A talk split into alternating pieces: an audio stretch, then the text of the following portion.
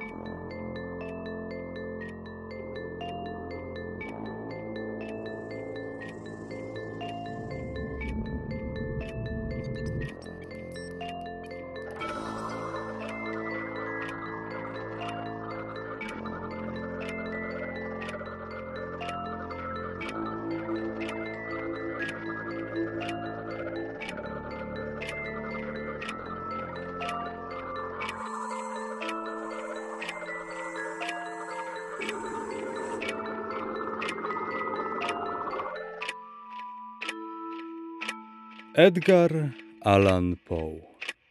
Studnia i wahadło Impia torturom longos his turba furores Sanguinis innocui non satiate a Sospite nunc patria, fracto nunc funeris antro.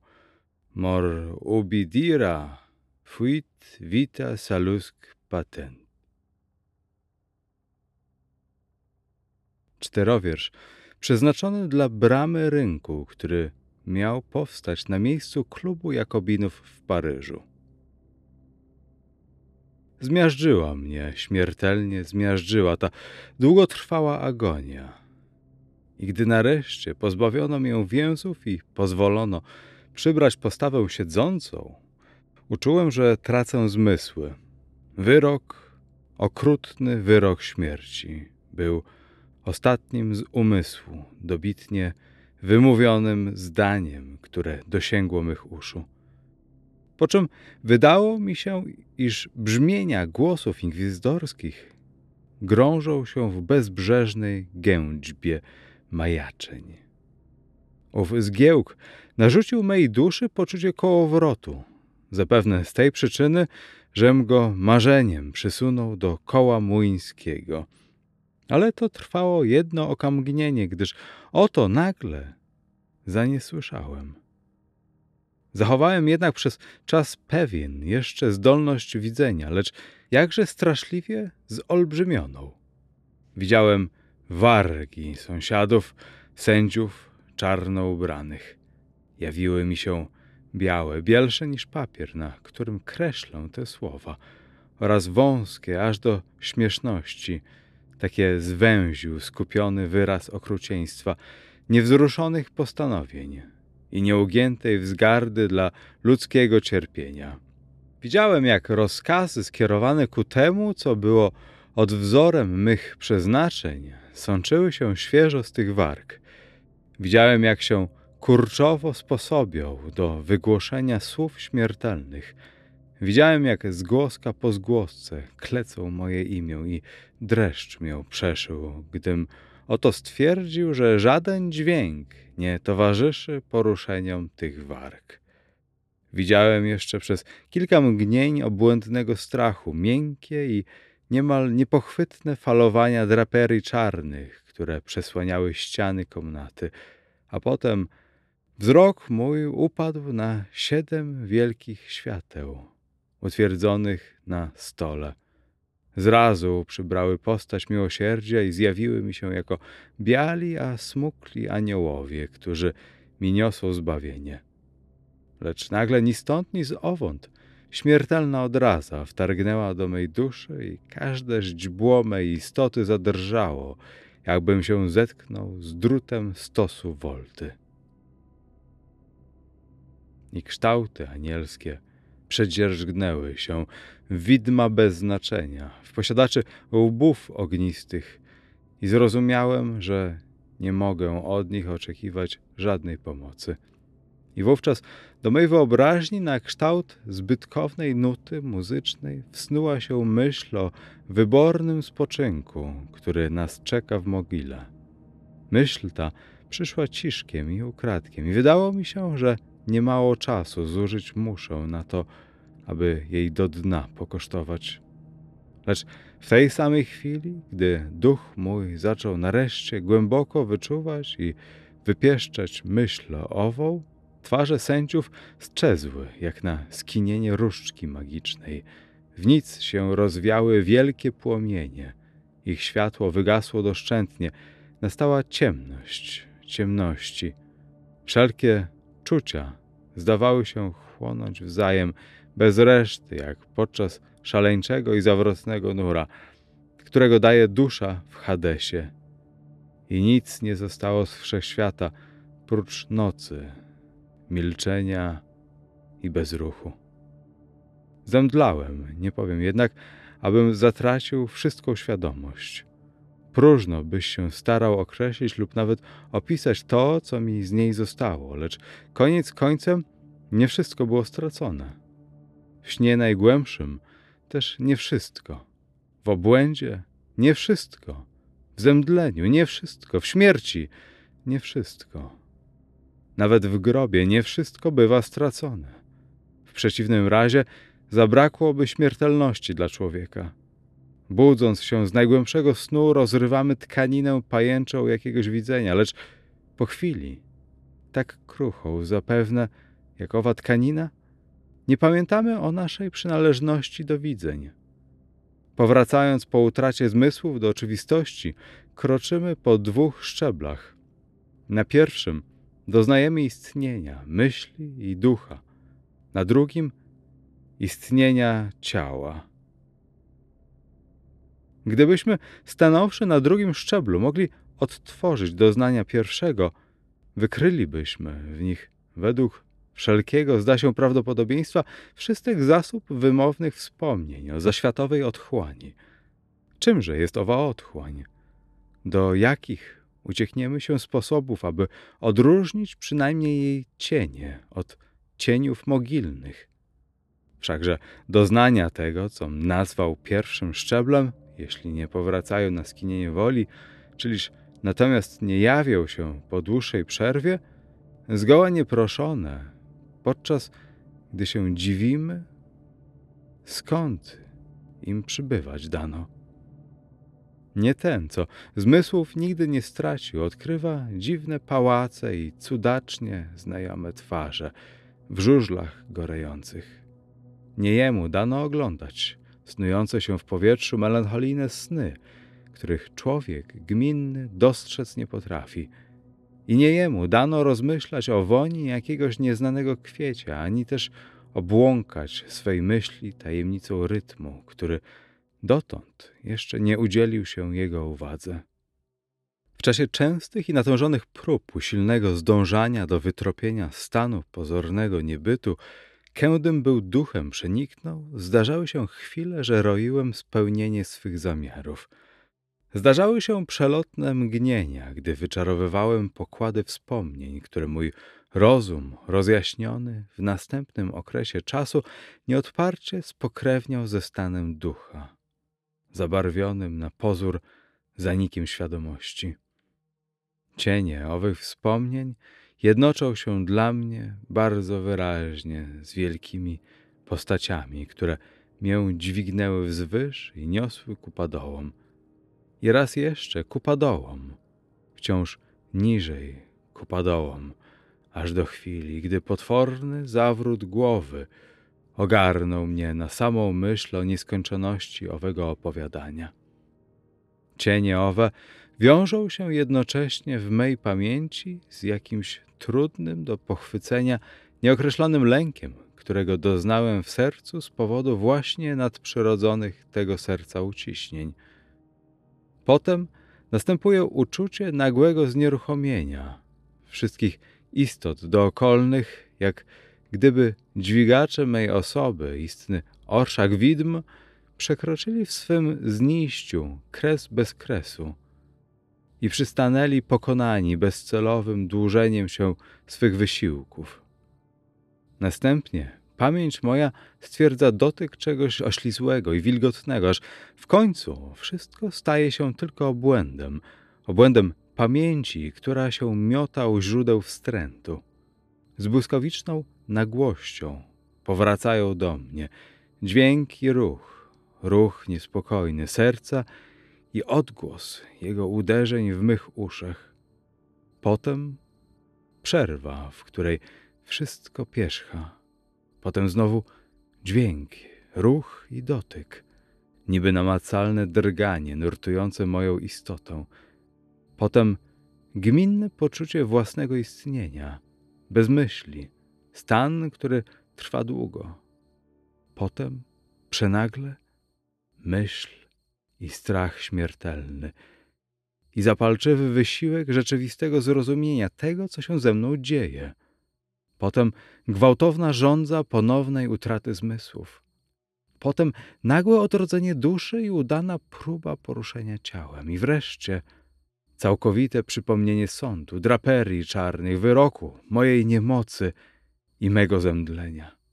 Wszystko, co nastąpiło po owej chwili, pochłonęło najzupełniejsze zapomnienie. Dopiero w czasie późniejszym, dzięki wznowionym do najwyższego stopnia wysiłkom, zdołałem to odtworzyć mgliście w pamięci. Dotychczas nie rozwarłem oczu. Czułem, że leżał na wznaki bez więzów. Wyciągnąłem dłonie i upadła ciężko na jakąś wilgoć i stwardniałość. Pozwoliłem jej wypocząć. W ten sposób przez kilka minut, usiłując odgadnąć, gdzie jestem i czym się stałem. Śpieszno mi było do korzystania z mych oczu, ale nie śmiałem. Bałem się pierwszego spojrzenia po dookolnych przedmiotach. Nie dlatego, że się obawiałem widoku rzeczy potwornych, jeno dlatego, żem się przeraził przypuszczeniem, iż nie zobaczył nic zgoła. Po upływie pewnego czasu, z bezrozumną rozpaczą serca, otworzyłem oczy z nienacka. Sprawdziło się moje straszliwe przypuszczenie. Otaczała mnie ciemność nocy wiekuistej. Zrobiłem wysiłek, aby westchnąć. Zdawało mi się, że brzemię mroków tłoczy mnie i dławi. Powietrze było nieznośnie ociężałe. Leżałem nadal bez ruchu i zrobiłem wysiłek, aby pobudzić myśl do działania. Przywiodłem na pamięć praktyki inkwizycji i poczynając od tego punktu, starałem się zeń wysnuć moje położenie obecne. Wyrok zapadł i zdawało mi się, że od owej chwili upłynęło sporo czasu. Mimo to nie przypuszczałem ani na jedno okamgnienie, że jestem martwy naprawdę. Tego rodzaju przypuszczenie, wbrew wszystkim wymysłom literackim, jest zgoła niepołączone ze stanem rzeczywistego istnienia. Gdzież wtedy byłem i w jakim stanie? Wiedziałem, że na śmierć skazani giną zazwyczaj na auto da fe. Jeden z takich uroczystych obrzędów spełniono właśnie wieczorem, w dniu zapadnięcia mego wyroku. Wtrąconoż mnie z powrotem do więzienia w tym celu, abym wyczekiwał dnia kolejnej kaźni, który miał nastąpić dopiero po upływie kilku miesięcy. Postrzegłem od razu, że jest to niemożliwe. Wyrok skazańców podlega natychmiastowemu wykonaniu. Prócz tego więzienie moje, jak wszystkie cele skazanych na śmierć w Toledo, miało podłogę kamienną i światłu niezupełnie wzbraniano dostępu. Nagły, straszliwy domysł spłoszył mą krew tak, że falami uszła do serca i na chwilę kilka straciłem znowu przytomność. Odzyskawszy zmysły, jednym rzutem zerwałem się na równe nogi, drżąc konwulsyjnie na całym ciele. Bezrozumnie wyciągnąłem dłonie wzwyż i wokół i gdziekolwiek. Bałem się wszakże kroku jednego uczynić. Lęk mię chwycił, że utkwię na ścianach mego grobowca. Pot występował ze wszystkich szczelin mego ciała i wielkimi, zimnymi kroplami wzbierał na mym czole. Śmiertelna męka niepewności, dłużąc się, stawała się czymś nie do zniesienia. Jąłem bacznie posuwać się przed się, wyciągając dłonie i wyważając oczy z oczodołów – w nadziei pochwycenia nikłego choćby promyka światła. Zrobiłem kilka kroków, lecz wokół była ciemność i próżnia. Westchnąłem swobodniej. Ostatecznie przekonałem się, że los, który mi zgotowano, nie był tym najpotworniejszym. I wówczas, gdym w dalszym ciągu posuwał się ku przodowi, tysiące niejasnych pogłosek o okropnościach Toleda stłoczyły się bezładnie w mej pamięci. Opowiadano sobie o tutejszych więzieniach rzeczy niestworzone, które zawsze uważałem za bajki, a jednak tak niestworzone i tak straszliwe, że tylko półgłosem można je było oznajmiać. Czy przeznaczono mi śmierć głodową w tym podziemnym przybytku cieniów, czy też czeka mię być może los jeszcze okrutniejszy?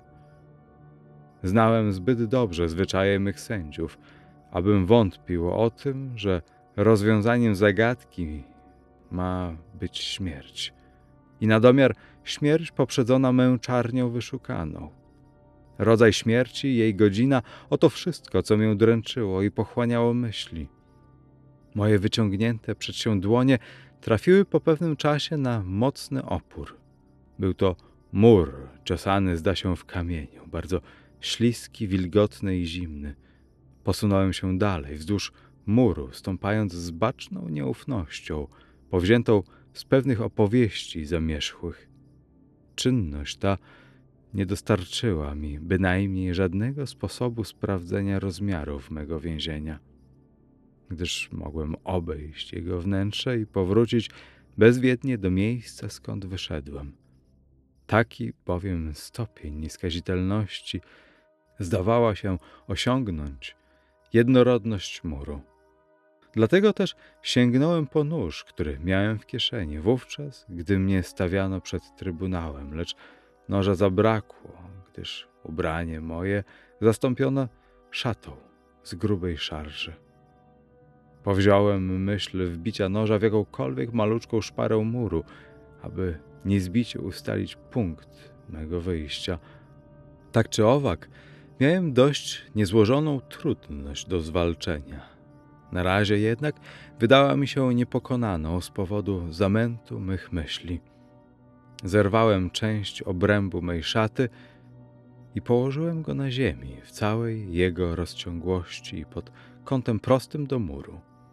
Po omacku krocząc dalej obwodem mego więzienia, nie mieszkałbym chyba, dopełniwszy koła, trafić powrotnie na ów łachman. Miałem przynajmniej taki zamiar, lecz nie wziąłem pod uwagę rozmiarów mego więzienia, czy też raczej mojej niemocy. Grunt był wilgotny i śliski. Kroczyłem chwiejnie, czas pewien, potknąłem się wreszcie i upadłem. Ostateczne znużenie zdziałało. Żem się z ziemi nie podniósł i tak poległego ogarnął mnie wkrótce sen. Ocknąwszy się ze snu, wyciągniętą przed się dłonią namacałem chleb i dzban wody. Zbyt byłem wyczerpany, aby się zastanowić nad tym szczegółem, lecz chciwie począłem gasić głód i pragnienie. Po upływie małej chwili ponowiłem mą podróż naokoło więzienia i z wielkim trudem dotarłem do strzępa sukna. Już w chwili mego upadku zrachowałem pięćdziesiąt dwa kroki, zaś ponawiając wycieczkę, doliczyłem jeszcze czterdzieści osiem w chwili zderzenia się z mym łachmanem. Całość tedy stanowiła sto kroków, zaś licząc w przybliżeniu po dwa kroki na jeden yard, mniemałem, że więzienie moje ma pięćdziesiąt yardów w obwodzie. Napotkałem wszakże sporo kątów w murze i przeto straciłem możliwość odgadnienia kształtu podziemia. Nie mogłem bowiem oprzeć się domysłom, że jest to podziemie. Niezbyt wielką uwagę przywiązywałem do tych poszukiwań. Wiedziałem jedno – żadnej znikąd nadziei. Wszakże jakaś nieokreślona ciekawość zniewalała mię do dalszych prób tego rodzaju. Odsunąwszy się od muru, postanowiłem przebyć powierzchnię zakreśloną obwodem. W początkach posuwałem się naprzód z najwyższą oględnością, bowiem grunt, mimo pozorów stałości, był zdradliwy i lgnący. Po pewnym jednak czasie zdobyłem się na odwagę i jąłem kroczyć ufnie, starając się utrzymać na linii możliwie prostej. Postąpiłem mniej więcej dziesięć lub dwanaście kroków, gdy nagle reszta obrębu, zdartego z mej szaty, zgmatwała mi się między stopami. Uniosłem stopy wzwyż i gwałtownie upadłem na twarz. W popochu mego upadku nie zauważyłem bezpośrednio pewnej dość zdumiewającej okoliczności, która wszakże w kilka sekund potem, gdym jeszcze trwał rozpostarty na ziemi, przykuła moją uwagę. Było tak. Podbródek mój tkwił na poziomie więzienia, lecz wargi i górna część głowy zdawały się znajdować poniżej podbródka. Nie stykały się z niczym. Jednocześnie zdawało mi się, że skronie mi pływa jakiś wyziew lepki i że swoisty zapach starych grzybów dosięga mych nozdrzy.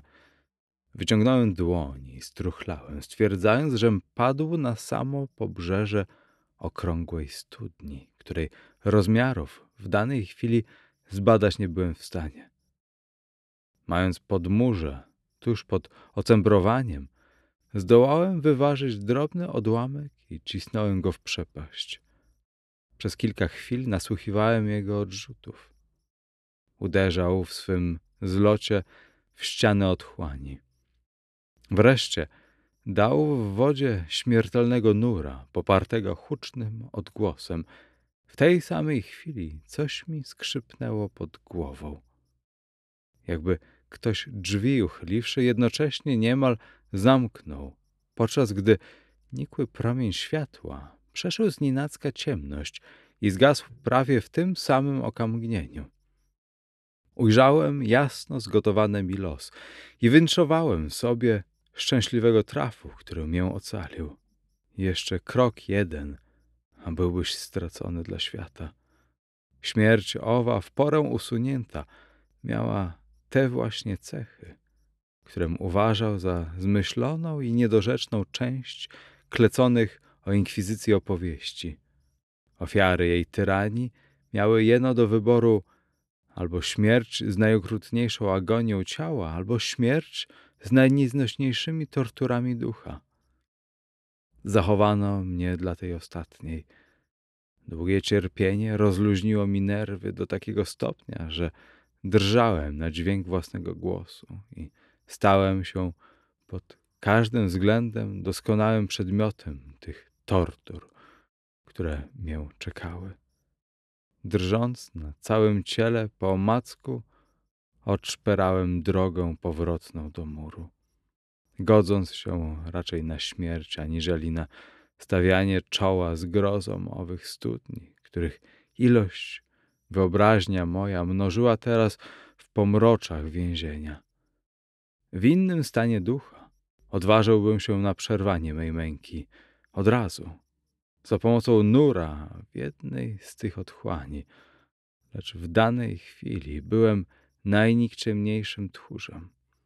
Ponadto nie mogłem zapomnieć o tym, co czytałem z powodu tych studni, a mianowicie, że piekielny geniusz, który tu uknął swe pomysły, pilnie usunął możliwość śmierci nagłej i niespodziewanej. Niepokój ducha przez długie godziny zmuszał mnie do czuwania, lecz w końcu zmroczył mię sen ponowny. Budząc się ze snu, znalazłem u boku, jak za pierwszym razem, chleb i dzban wody. Trawiło mnie skwarne pragnienie i opróżniłem dzban jednym tchem. Widocznie woda była zaprawiona ziołami, gdyż niezwłocznie po wypiciu zasnąłem nieprzezwyciężenie. Sen mię ogarnął głęboki, sen podobny do snu wiekuistego. Nie wiem, jak długo trwał, lecz w chwili, gdy znowu oczy otworzyłem, rozwidniły się wokół przedmioty. Osobliwe, siarkowe światło, którego źródeł wykryć nie mogłem, pozwalało mi oglądać rozmiary i postać mego więzienia. Pobłądziłem wielce w ocenie jego objętości. Obwód murów wynosił najwyżej 25 yardów. Odkrycie to przez minut kilka było dla mnie przedmiotem bezbrzeżnej trwogi. Trwogi, zresztą aż nadto dziecinnej.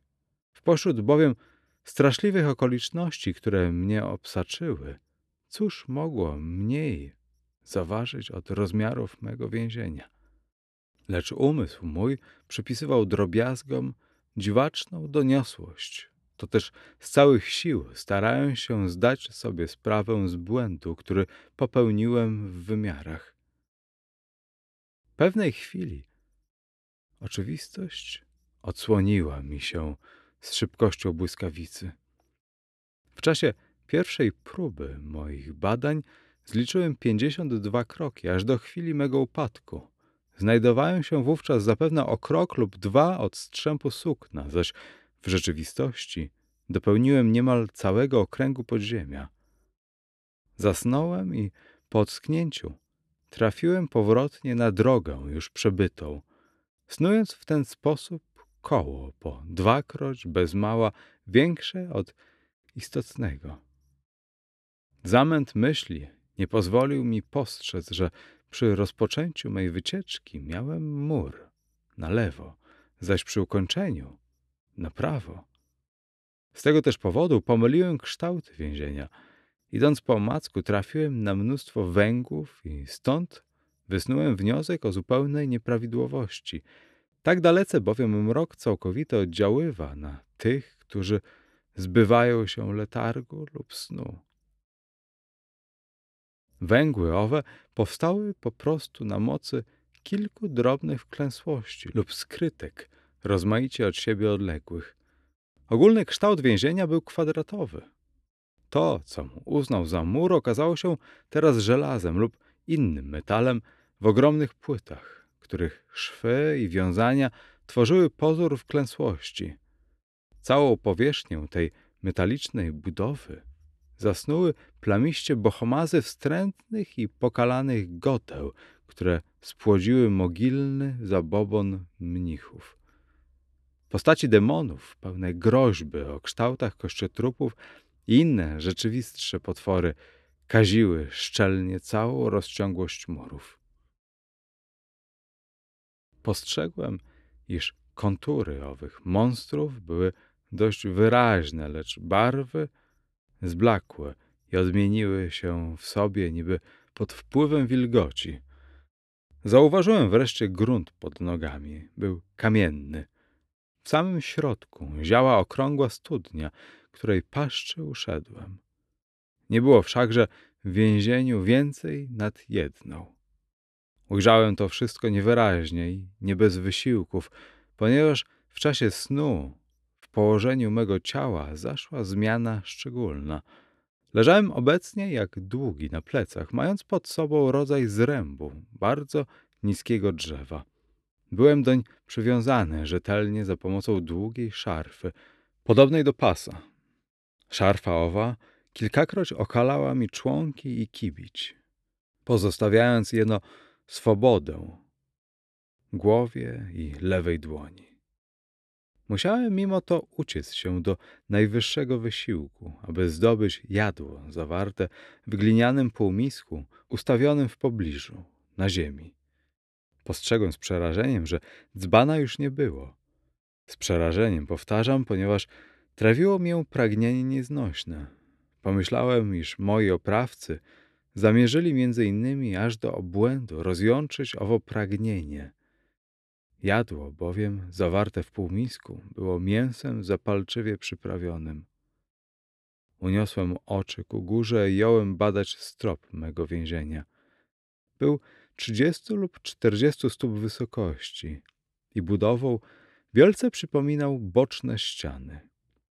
Tkwiąca na jednej z jego płyt osobliwie cudaczna postać przykuła całkowicie moją uwagę. Była to pędzlem robiona postać czasu, jak go się zazwyczaj wyobraża.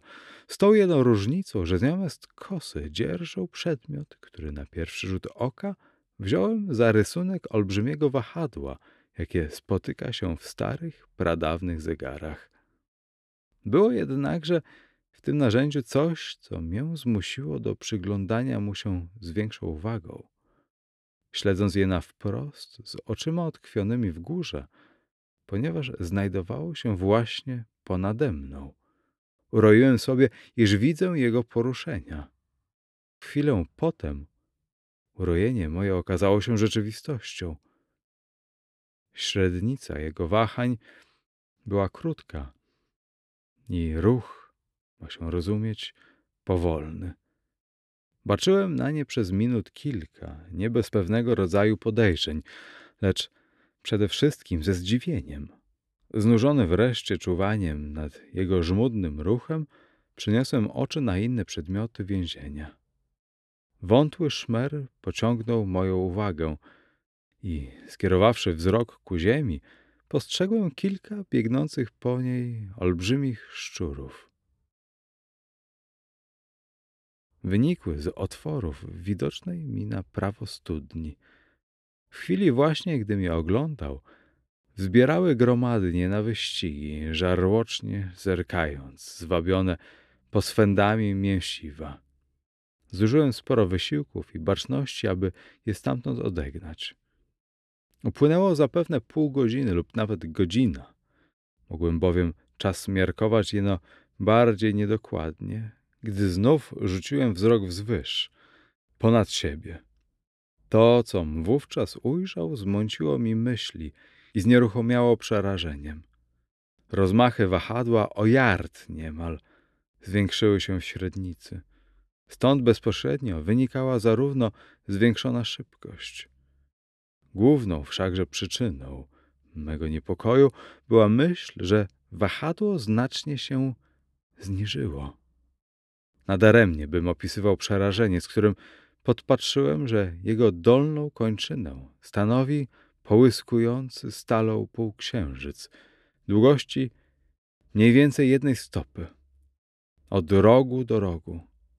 Rogi wzwyż się wspinały, zaś dolne zakrzywienie było widocznie tak ostre jak brzytwa i jako brzytwa zdawał się ciężki i tęgi oraz poczynając od kończyn szerzył się w kształt płaski i nieugięty. Przystosowany był do ciężkiego miedzianego pręta, zaś całość, kołysząc się na przekrój przestrzeni, wydawała poświst. Nie mogłem dłużej wątpić o losie, który mi zgotowała okrutna wynalazczość michów. Nie uszło do mysłów straży inkwizycyjnej wykrycie przeze mnie studni. Studni, której okropności zachowano dla tak zuchwałego jak ja heretyka. Studni od wzoru piekieł, którą zdanie ogólne uważało za ultima thule wszelkiej kaźni tutejszej. Uniknąłem nura dzięki najmniej spodziewanemu zabiegowi okoliczności, a wiedziałem, że sztuka przedzierzgania męki w zasadzkę i niespodziankę stanowiła poważną gałąź tego całego fantastycznego układu potajemnych kaźni. Tedy, chybiwszy mej zguby w otchłani, zamiar szatański wyłączał strącenie mię wbrew woli. Poślubiono mię przeto i tym razem bez możliwości wyboru, śmierci odmiennej i łagodniejszej. Uśmiechnąłem się niemal w mej męce na myśl o szczególnym użytku, którym zrobił z tego słowa. Po cóż mam mówić o długich, zbyt długich godzinach przerażenia, w których czasie liczyłem rozedrgane kołysanie się stali. Pięć po piędzi, źdźbło po źdźble dokonywała się stal stopniowego opadania, pochwytnego zaledwo w przerwach czasu, które mi się zdawały wiekami i wciąż się opuszczało, wciąż niżej, wciąż niżej. Minęły dnie, dni kilka być może. Minęło zanim stal owa jęła się kołysać do tyla w moim pobliżu, że muskał mię jej dech ostry. Zapach szlifowanej stali wnikał do mych nozdrzy. Błagałem niebo. Znużyłem je swoim błaganiem, by mi zwoliło szybszego zniścia. tej stali. Bezrozumny, oszalały. Siliłem się unieść z miejsca, by iść na spotkanie tej straszliwej, przepełnionej ruchem szablicy. A potem zapadłem się nagle w wielką ciszę i trwałem. Rozpostarty, uśmiechając się do błyskotliwej śmierci, jak dziecko uśmiecha się do jakiejś kosztownej zabawki. Nastąpił ponowny okres zupełnej utraty zmysłów. Okres zbyt krótki, gdyż powróciwszy do przytomności, nie zauważyłem, ażeby wahadło zniżyło się zbyt znacznie. Mimo to stać się mogło, iż ów okres czasu był długi. Czułem bowiem obecność demonów, które postrzegły moje zemdlenie. Mogły wedle zachcianek powstrzymać ruch wahadła. Przytomniejąc, doznałem niemocy. O, niewymownej niemocy i znużenia, jak na skutek długiego głodu. Nawet wobec trwającej rozpaczy natura ludzka żebrała posiłku. Z dotkliwym natężeniem wyciągnąłem lewą dłoń tak daleko, jak pozwoliły na to więzy i zawładnąłem ową drobną resztą, którą szczury raczyły mi zostawić. Gdym kęs do ust unosił, błysnęło mi w duszy jakieś bezkształtne przeczucie radości, nadziei. A toli cóż było wspólnego pomiędzy mną a nadzieją? Było to, jak rzekłem, przeczucie bezkształtne. Każdy z nas miewa takie przeczucia, które się nigdy nie kształtują. Czułem, że jest to myśl o radości, o nadziei, lecz jednocześnie czułem, że jest to myśl martwa w samym zarodku. Na próżno starałem się ją dokształtować, pochwycić. Długotrwała męka znicestwiła niemal zwykłe moje zdolności myślenia. Zgłupiałem, zidiociałem. Ruch wahadła odbywał się w płaszczyźnie, która tworzyła kąt prosty z linią mego ciała. Postrzegłem, że półksiężyc umiejscowiono tak, aby przycinał okolice mego serca. Zawadzi o sukno mego ubrania, potem powróci i powtórzy swą czynność jeszcze raz i jeszcze.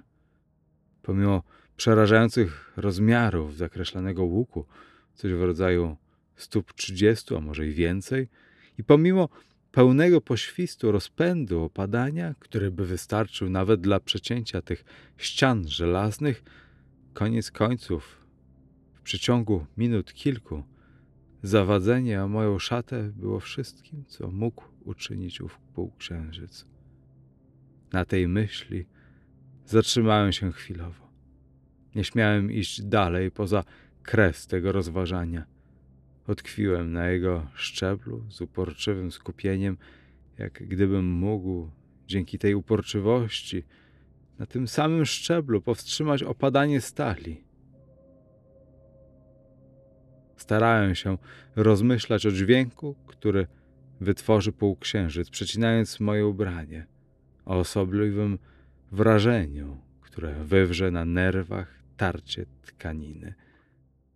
Rozmyślałem o tych błahostkach dopóty, dopóki nie doszedłem w tym kierunku do punktu zupełnego zdrętwienia.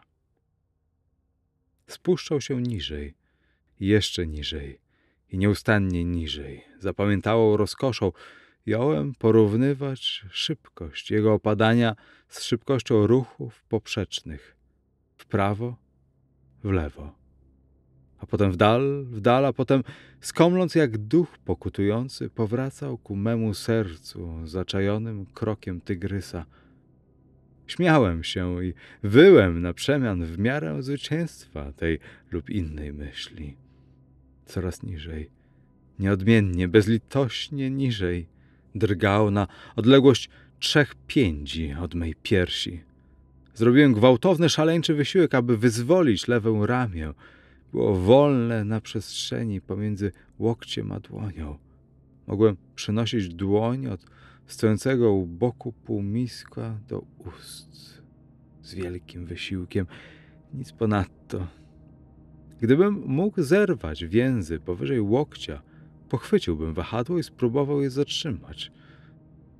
Z takim samym zresztą skutkiem mógłbym próbować powstrzymania lawiny.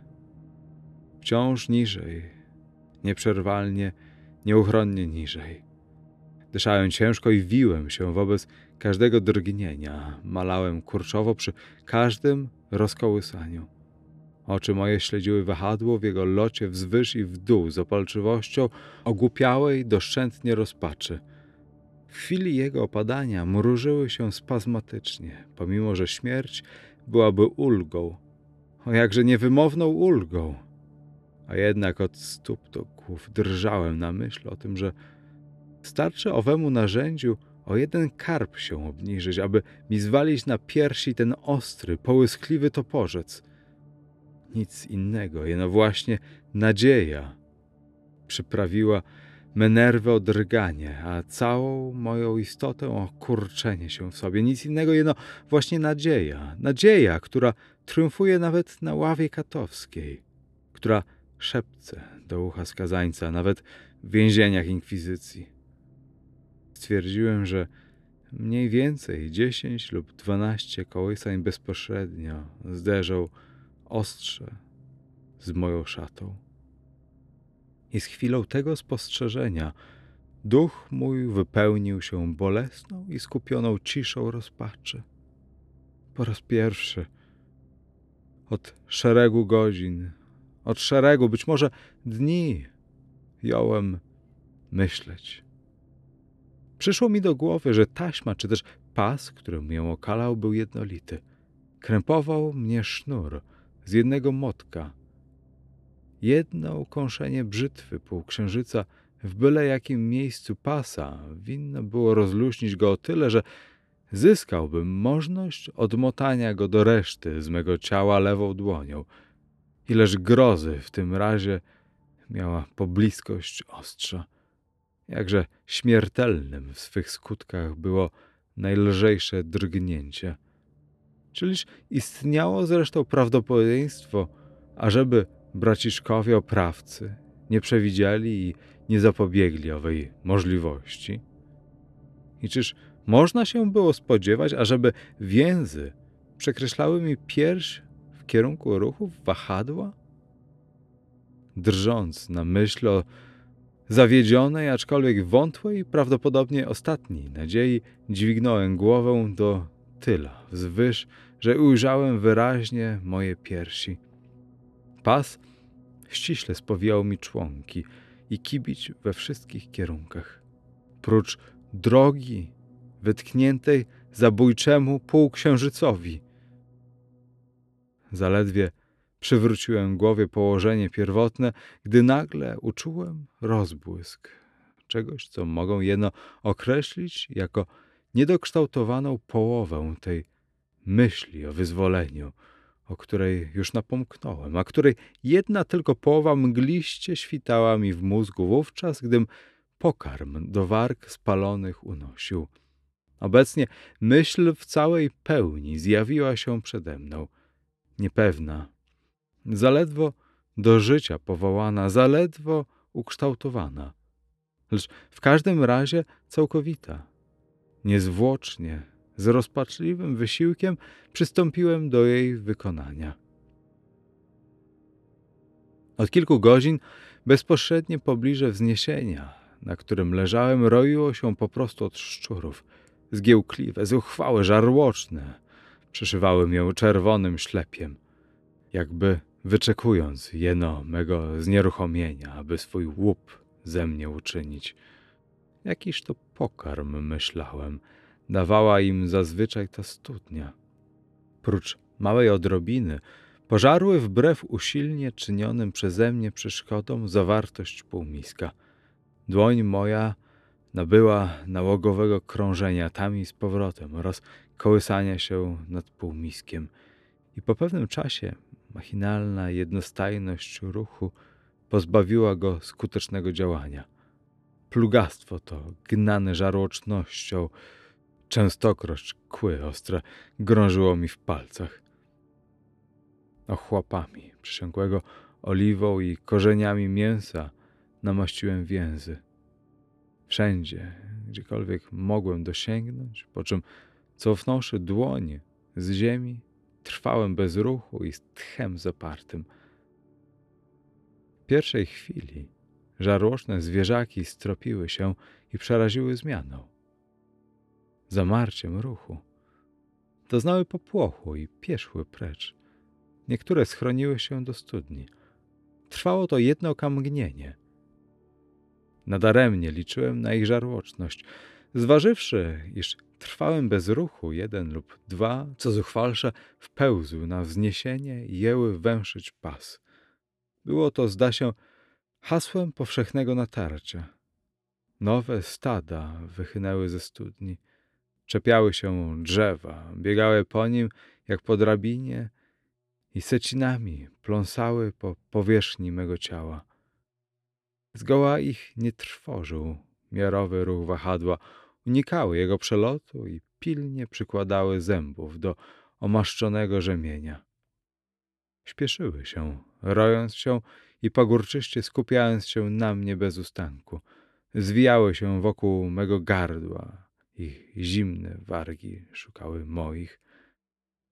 Zadławił mię na poły ich wzmożony ciężar. Wstręt, któremu jeszcze nazwy nie nadano, wezbrał mi w piersiach i przyprawił o zimne poty, jak przy gwałtownych wymiotach. Jeszcze chwila, a czułem, że skończą się potworne zabiegi. Czułem dobitnie rozluźnienie więzów. Wiedziałem, że zostały przycięte więcej niźli w jednym miejscu. Z nieludzką stanowczością trwałem nieruchomy. Nie omyliły się moje rachuby, męki moje nie spełzły na niczym. Po pewnym czasie uczułem, żem wolny. Pas zwisał strzępami wokół mego ciała. Wszakże wahadło w swym biegu już dotarło do mych piersi, już przecięło sukno mej szaty, już przebodło pod nią koszulą. Jeszcze dwa przeloty i uczułem ból ostry, przenikający wszystkie moje nerwy, lecz wybiła godzina zbawienia. Na jedno skinienie mej dłoni tłum mych oswobodzicieli pierzchnął zgiełkliwie. Ruchem spokojnym i stanowczym, obmyślonym, a nieznacznym wymknąłem się, powolny i spłaszczony, kleszczom rzemienia i ciosom szablicy. W tej chwili przynajmniej byłem wolny. Wolny w szponach inkwizycji. Zaledwo opuściłem mój barłok przerażeń. Zaledwo dałem kilka kroków po ziemi więziennej, a ustał ruch piekielnego narzędzia i niewidzialna siła dźwignęła je wzwyż poprzez pułap. Była to przestroga, która przepełniła mi serce rozpaczą. Każdy mój krok śledzono nieodparcie. Wolny, śmierci pod postacią męki, wydarłem się jeno po to, aby stać się łupem czegoś, co ukryte pod jeszcze inną postacią przerastało śmierć samą. Na myśl o tym pobrnąłem kurczowo oczyma wzdłuż ścian żelaznych, które mnie spowiły. Rzecz szczególna, zmiana, której na razie nie mogłem określić dokładnie, odbyła się w komnacie. Zmiana niezaprzeczona. Po kilkuminutowym majaczeń i dreszczu pełnym roztargnieniu jąłem się gubić w nadaremnych i luźnych domysłach. W tym właśnie czasie po raz pierwszy postrzegłem źródlisko światła siarkowego, które rozwidniało celę. Światło owe wynikało ze szczeliny mniej więcej pół cala szerokości, szczelnie okalającej więzienie u podstaw murów, które w ten sposób zdawały się i naprawdę były całkowicie oderwane od ziemi. Próbowałem, lecz ma się rozumieć, zgoła na próżno zajrzeć do tego otworu. Gdym zniechęcony powstał, tajemnica przeobrażania się komnaty odsłoniła się z nienacka mym domysłom. Zauważyłem, że chociaż zarysy postaci ściennych były dość wyraźne, barwy za to zdawały się zatarte i niepewne.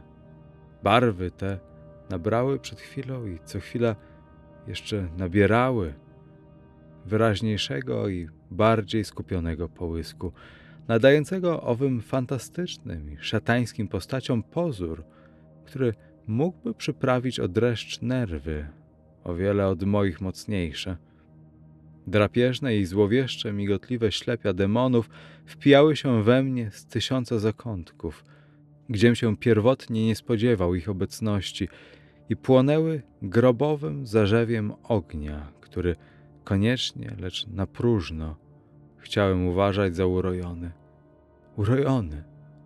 Dość mi było odetchnąć, aby przywiać nozdrzom wypar rozgrzanego żelaza. Dławiący zaduch szerzył się w więzieniu. Coraz wnętrzniejszy żar trawił się w ślepiach utkwionych w mej męce. Coraz możniejsza purpura utwierdzała się na powierzchni tych potwornych, krwawych malowideł. Zabrakło mi tchu. Dyszałem z trudnością. Nie mogłem wątpić o zamiarach mych katów. O, najnielitościwszych, o, najdemoniczniejszych na ziemi. Uskoczyłem daleko od rozżarzonego metalu ku środkowi więzienia. Wobec grążącej mi zagłady w ogniu myśl o chłodach studni skusiła mą duszę jak woń balsamu. Rzuciłem się na oślep ku jej śmiertelnym obrzeżom. Wpiłem się wzrokiem w jej głębię. Blask płonącego sklepienia rozwidniał najtajniejsze jej zakamarki, lecz oszołomiony przez mgnienie rozum mój wzbraniał się zadumie nad treścią tego, co zobaczył. W końcu owo ujrzane wdarło się do mej duszy. Przemocą, zwycięsko, ognistymi zgłoskami wyryło się w mym przerażonym umyśle. O słów, słów, aby to wypowiedzieć. O, co za zmora! O, wszelkie zmory, prócz tej tam, jedynej. Z krzykiem odrzuciłem się wstecz od ocembrowania i ukrywszy twarz w dłoniach, płakałem rozpaczliwie. Upał wzmagał się pośpiesznie i raz jeszcze dźwignąłem wzwyż oczy, dygocząc jak w febrze. Jedna jeszcze zmiana odbyła się w celi i tym razem owa zmiana uwidoczniła się kształtem. Początkowo, jak za pierwszym razem, nadaremnie starałem się określić lub zrozumieć to, co się odbywało, lecz niedługo pozostawiono mię w mej niewiedzy. Zemsta inkwizycji po dwakroć zboczona z drogi, dzięki sprzyjającym mi wypadkom, szła teraz na przełaj i nie było już żartów z władyką z mur. Komnata więzienna miała kształt kwadratu.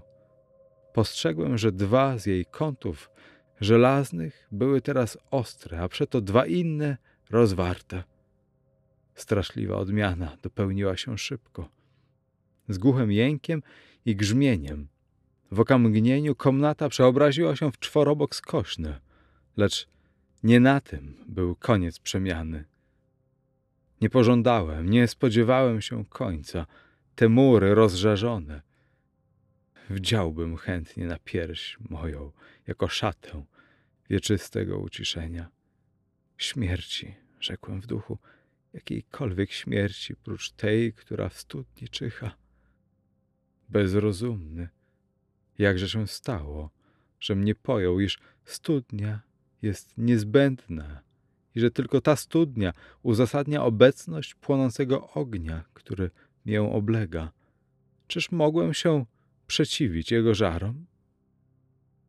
A gdyby nawet tak się zdarzyło, czyż mogłem oprzeć się jego ciśnieniu? A teraz właśnie skośny czworobok zwężał się, zwężał z szybkością, która mi nie pozostawiała czasu do namysłu. Jego środek, położony na linii największej szerokości, przypadał właśnie na otchłań ziejącą. Chciałem się usunąć, lecz zwężające się mury nacierały na mnie nieodparcie. Wreszcie nadeszła chwila, gdy poparzone i pokurczone ciało moje zaledwo mogło znaleźć niezbędny dla siebie kęs przestrzeni w chwili, gdy na ziemi więziennej Starczyło zaledwo miejsca dla mej stopy. Poniechałem walki, lecz duch mój wyzionął całą swoją mękę w jednym wielkim, długim, ostatecznym krzyku rozpaczy. Uczułem, że się chwieję nad brzegiem otchłani, odwróciłem oczy. I nagle coś jakby zgiełk powaśnionych głosów ludzkich. Wybuch, huragan surmowych dźwięków. Ryk potężny jak ryk piorunów tysiąca. Jakaś dłoń wyciągnięta pochwyciła dłoń moją, gdym nieprzytomny zapadał się w otchłań. Była to dłoń generała Lassalle. Armia francuska wkroczyła do Toleda. Inkwizycja była w rękach swych wrogów. Tłumaczył Bolesław Leśmian. Czytał Jacek Brzezowski.